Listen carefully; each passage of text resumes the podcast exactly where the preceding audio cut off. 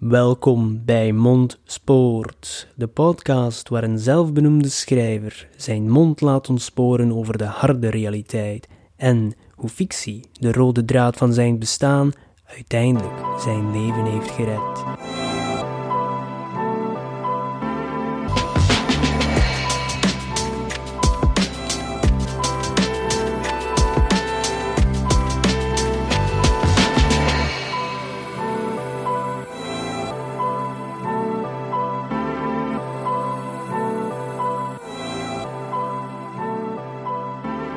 Hey iedereen, welkom in een nieuwe aflevering van Mondspoort. En boy, hebben we een onspoorde podcast voor jou vandaag. Ik ga jullie vertellen over de frustrerende weg hoe ik Al Pacino ontmoette.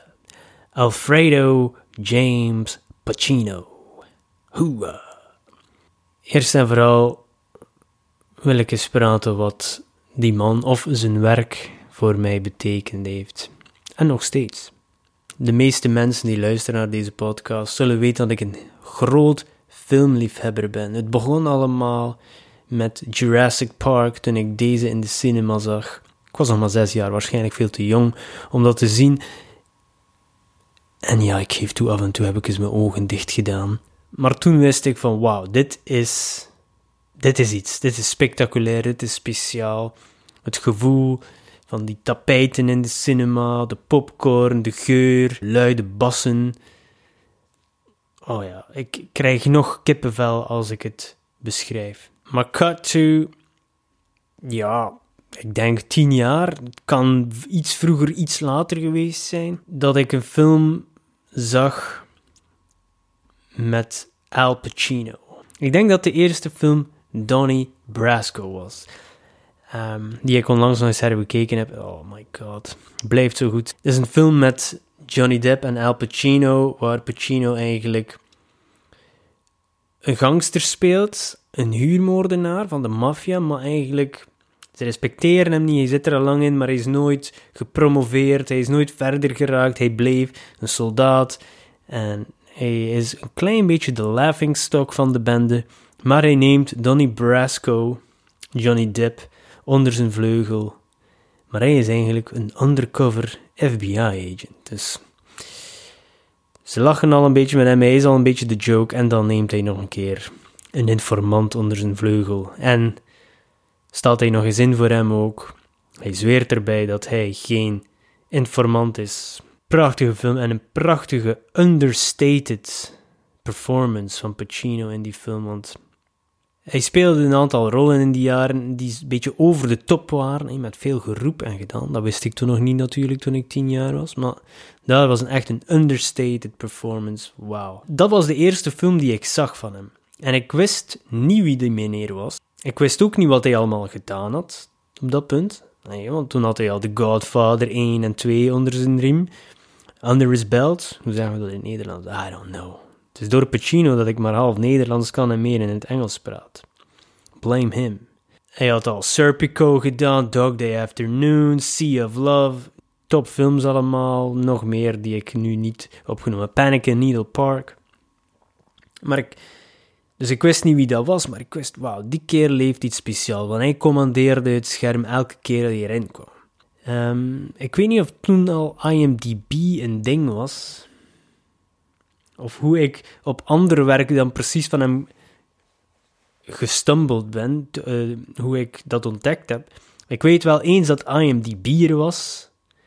Ik was een uh, vroege gebruiker van het internet. Dan ging ik echt wel alle acteurs die ik graag zag spelen, allemaal gaan opzoeken. En dan ging ik ook allemaal die dvd's gaan huren, kopen als er hier jonge mensen zijn, videotheek, je weet niet wat dat is. Wel, nu kan je gewoon op een knop drukken en gelijk welke film bekijken. Vroeger moesten we effectief uh, naar de, een winkel lopen en daar konden we ze rondjes huren. Dat was een DVD, je stak dat in een DVD-speler.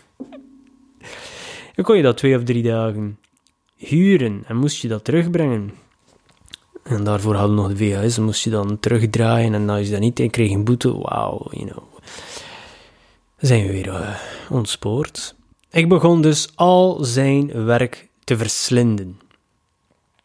En dat tekent met alle acteurs dan, hey, De Niro, Dustin Hoffman, Jack Nicholson.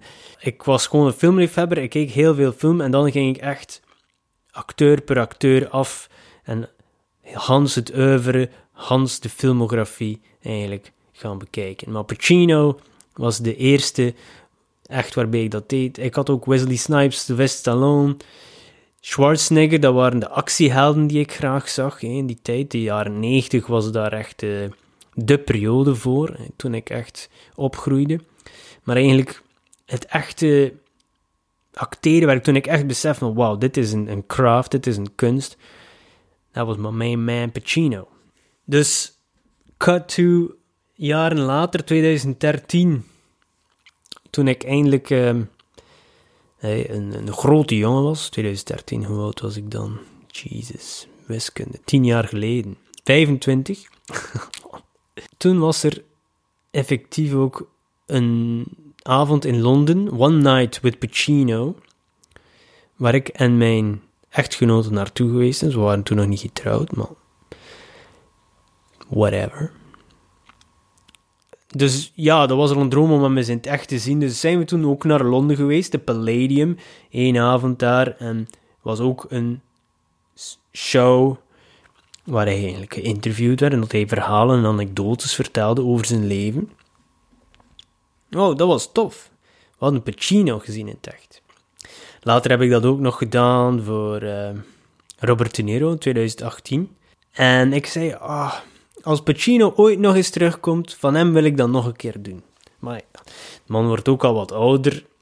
Hij deed dat nog uh, af en toe in de Verenigde Staten, maar echt naar hier komen, dat was er de laatste jaren niet in. Dus nu, augustus 2022, zag ik, oké, hij komt nog eens terug naar de UK. Een ganse tour. Uh, Glasgow, Wales, Dublin, London, Birmingham. Ik meteen naar die site voor tickets en dan zie ik daar ook de opties staan voor een meet and greet, photo opportunity.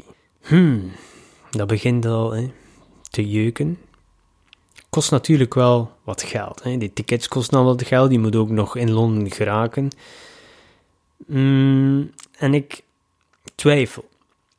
Want hij een grote aankoop, dus nu niet dat arm en een been kost, maar toch, het is prijzig.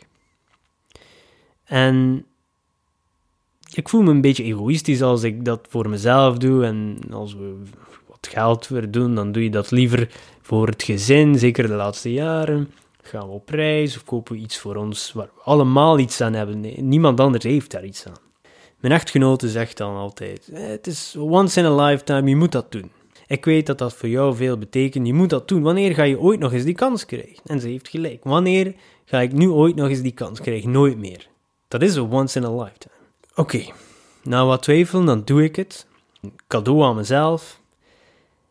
Nog geen week later krijgen we een mailtje van die organisatie. Door het filmschema van meneer Pacino is het evenement postponed. Dat was geboekt augustus 2022 en dat was eigenlijk al voor november 2022. Dus dat was eigenlijk niet lang dat we gingen moeten wachten om meneer Pacino te ontmoeten.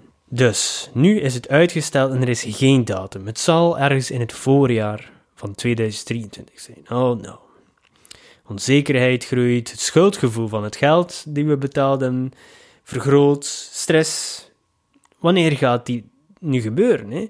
Er is ook nog corona. Misschien eh, gaan de cijfers weer omhoog, wordt het weer uitgesteld. Ook het voorjaar, het zal ergens in april gebeuren, zeiden ze waarschijnlijk. Maar 7 april is mijn dochter jarig. En mijn boek komt 18 april uit. Wat als het op een van die data is? De release datum van mijn boek had ik nog niet aangekondigd, dus op zich was dat nog geen probleem. Zelfpubber kan dat een beetje uitstellen. Op zich, dat was niet erg. Maar ik kan onmogelijk weggaan als dat op mijn dochters verjaardag is. Want mijn dochter verjaarde ook dicht bij een weekend. Dus voor hetzelfde geld, ja, is het dan haar feestje. Dus dat was, je brein probeert weer rampscenario's te verzinnen. Wat als ik ziek word? Wat als, God forbid, iets gebeurt met Pacino? Hij is ook niet meer van de jongste. Ik weet het, dat zijn erge gedachten, maar we weten allemaal dat soms zulke gedachten de revue passeren. Oké, Ik kraak over mijn stress. Het is wat het is. We kunnen dat niet beheersen. Dat zijn dingen die buiten onze controle zijn. Het enige wat we wel kunnen controleren is onze reactie hierop. Dus het zal niks productief opleveren door daar elke dag over te stressen. En ongeveer een maand later krijgen we een nieuwe datum. 28 april 2023. Oeh, oké. Het is al niet op mijn dochters verjaardag. Het is ook niet op de release datum van mijn nieuwe boek. Alright. Dat is goed. We zeggen al tegen de schoonouders dat we mogelijk opvang gaan nodig hebben die dag voor uh, de dochter. En dat was geen probleem. Uh, ik wilde nog geen hotel of trein boeken, want je weet nooit dat het weer verplaatst wordt. Dus we laten het gewoon rusten, geen enkel probleem. Datum staat vast, opvang is geregeld, feestdagen passeren, januari komt, nog geen bericht gekregen van de organisatie over verandering. Af en toe komt er een post op hun Instagram en Facebook account aan. we zijn blij dat het het eerste live event dat ze doen na x aantal tijd, met de pandemie en zo. Alright. We voelen ons veilig genoeg om ons vervoer te boeken en ons hotel. En weet je wat, we zullen er een weekendje Londen van maken. Enkel met de echtgenoten, quality time. En zo hoeven we ons ook niet op te jagen, hè, want we zijn al enkele keren met de trein geweest, hè, ondergrond, met de wagen in de trein, onder de zee, met de Eurotunnel, naar een concert geweest of een evenement. We hebben dat al een aantal keer gedaan in het verleden. En dan direct s'nachts ook teruggekeerd met de eerste terug. En dat is zwaar. Je bent redelijk moe. Dus deze keer zeggen we, gaan er een weekendje van maken. We kunnen ons dan ook omkleden in het hotel, want het is een black tie event. We kunnen niet de hele dag in onze gala kleren in Londen lopen. En dan kunnen we eh, een aantal uur voordien naar het hotel gaan, dicht bij de O2 of een Airbnb hadden we geboekt. En dan kunnen we gewoon wandelen naar die O2. Het was niet in die O2 zelf, maar in een hotel naast de O2. Dat heette Intercontinental O2 in de ballroom. Dus alles geboekt. natuurlijk wat frank gevoel dat je dan je dochter twee nachtjes moet wegdoen, want dat doen we niet graag. We doen haar liever mee. Maar zulke evenementen, eh, en dat is ook zo laat, dat is niets voor haar.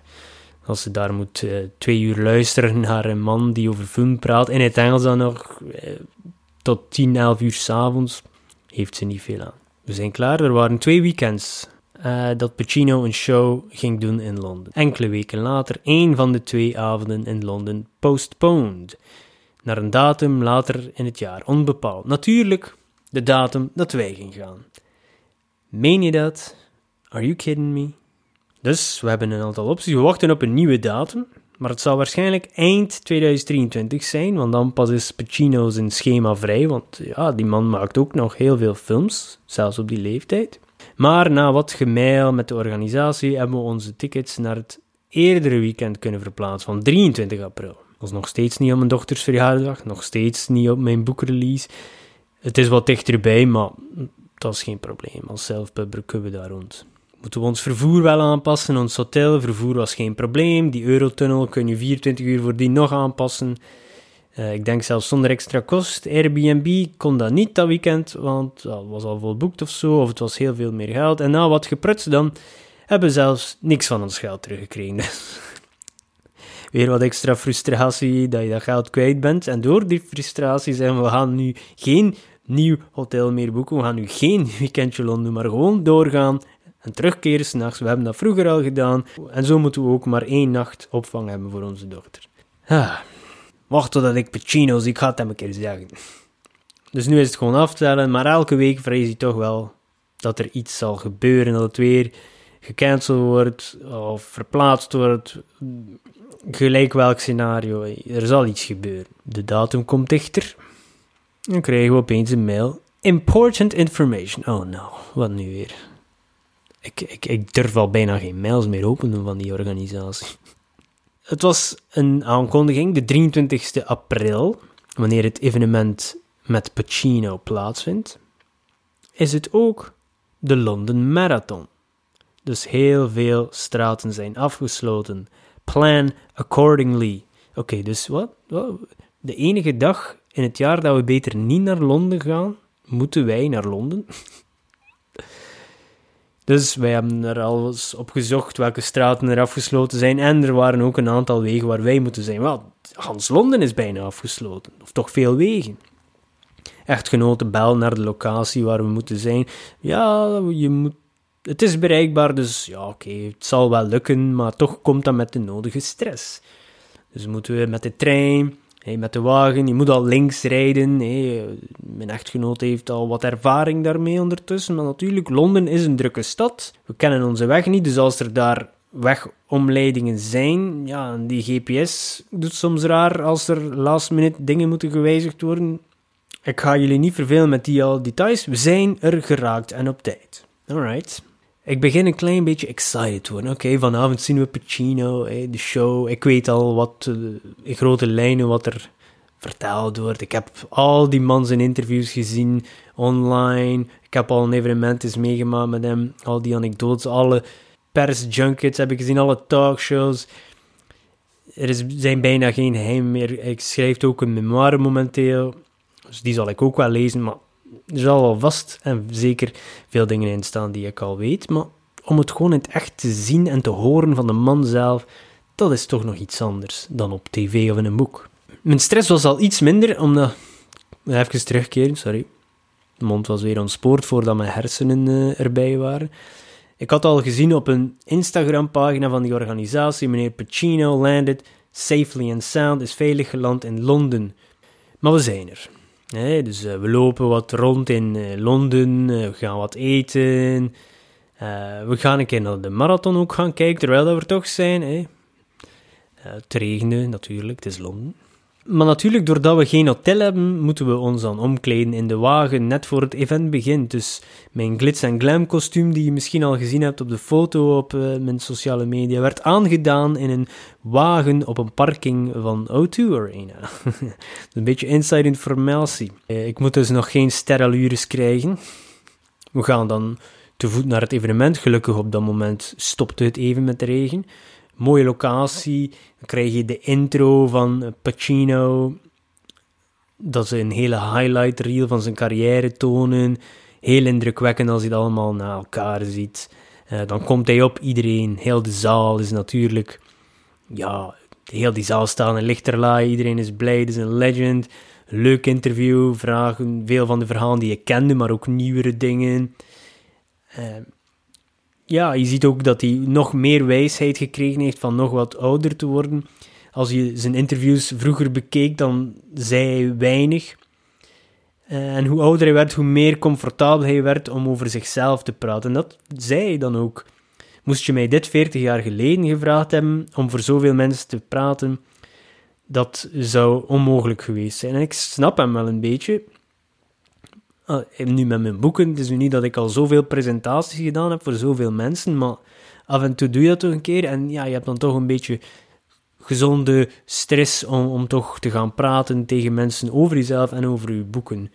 Dus de show is over en nadien komt de foto opportunity. Dus je kon meet and greet of foto alleen of foto met twee. Ik kon dat ook nog doen met de echtgenoot. was weer wat duur, maar ze zei: dat is jouw moment dat is voor u, ga maar. En zij blijft zitten bij de jas en de handtas. Ik kom om de hoek omdat je naar de green room moet. Dat was een verdiep hoger in dat hotel. Ik zie die rij van, hm, dat zijn wel heel veel mensen. Veel meer dan, dan normaal gezien het plan was, want er waren per evenement maar een aantal tickets, redelijk wat wel, maar het was beperkt tot ik zeg nu maar iets, 50 of 100 mensen per evenement die de kans krijgen om met Pacino een foto te hebben. Het begint dalen met mij. Er zijn nog twee of drie andere evenementen gecanceld, want na die datum moest hij weg. En er waren er nog geboekt ergens, Wales, Dublin, Glasgow, ik weet niet meer welke precies. Maar ik, volgens mij zijn er dan veel mensen, vooral die mensen die een foto ticket geboekt hadden, allemaal omgeboekt, of die hebben dat zelf gevraagd, een organisatie van, ik wil toch graag 23 april gaan. Die hebben dat allemaal waarschijnlijk toegestemd. Het probleem is natuurlijk dat al die mensen daar nu in de rij staan om een foto met Pacino te hebben. En dat was normaal gezien verspreid over twee of drie evenementen. Moet hij nu allemaal in één keer doen. Zeggen dat die man, 82 op dat moment, was een aantal dagen voor zijn verjaardag, hè, dus nu 83, moet hij met enorm veel mensen op de foto gaan, na 90 minuten op een podium te praten, en ondertussen is het bijna 11 uur s'avonds. Oké, nou ik sta in de rij, ik sta in de rij, klaar voor Pacino. Ik, ik weet al een klein beetje wat ik ga zeggen als ik de kans krijg. Ik wist sowieso dat dat niet ging zijn. We gaan geen diepe gesprekken voeren. Er zijn veel mensen, het is gewoon handschudden, foto en buiten. Zoals de politici. Dat weet ik. De rij gaat vooruit, ik zie blij mensen buiten komen. Dat was achter een hoek, hè, dat je niet alles ziet. De green room was apart, waar de foto's werden genomen.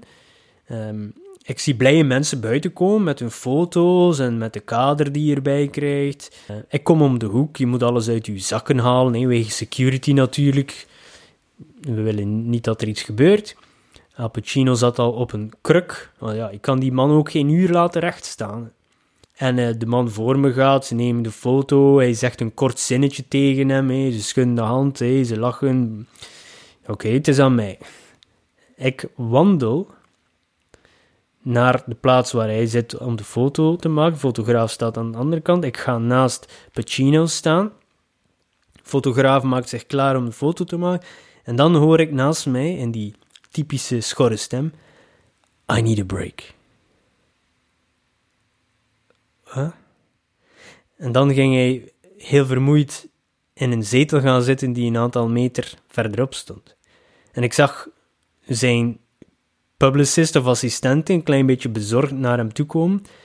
En ik zag hun gesprek en ik hoorde het half, want ik stond natuurlijk veel dichter dan al de rest. Ik, ik stond klaar voor de foto.